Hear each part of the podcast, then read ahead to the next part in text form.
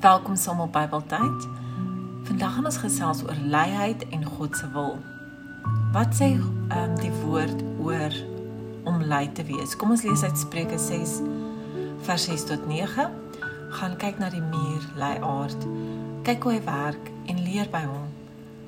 Hy het nie 'n leier nie, nie 'n opsigter of 'n regerder nie. Tog maak hy sy kos voorraad reg in die somer.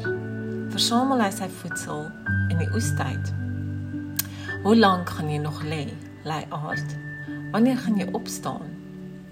In Spreuke 12 vers 24 staan daar: Hardwerkende mense kom in magsposisies. Lui mense word dwangarbeiders.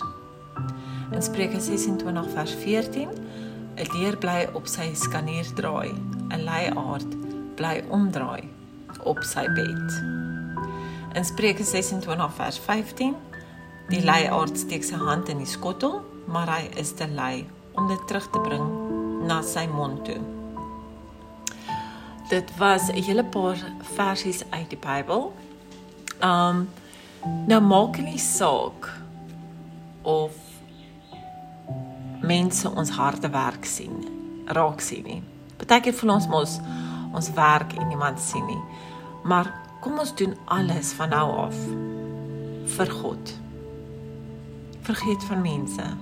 As jy werk, dan werk jy vir God. Of ons nou baie of min geld verdien, gee deel daarvan, 10% aan God se koninkryk. So ons dominee het ook daaroor gesels so rukkie terug en wat is God se koninkryk? Dit kan wees vir die kerk, vir behoeftiges, vir liefdadigheid ensovoorts. Ek het 'n bietjie gaan rondsoek na 'n uh, 'n lekker artikel oor leiheid. En ek het een gekry vanuit versendag.co.za en dit lei soos vol: Christene behoort te werk. Dit maak nie saak wat ons doen nie. Ons mag nie lui wees nie. Die Bybel leer ons dat wyse mense hard werk en die vrugte van hulle arbeid pluk. Lui mense is dwaas en kom nêrens. Dis belangrik om deur eerlike werk in ons eie daaglikse behoeftes te voorsien. In Spreuke word daar heelwat oor harde werk gesê. Een beeld wat koning Salomo gebruik om ons oor harde werk te leer, is die van die muur. Werk vandag tot eer van God. Kom ons bid saam. Here help ons om nie lui te wees nie.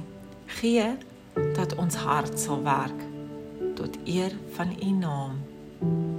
Amen.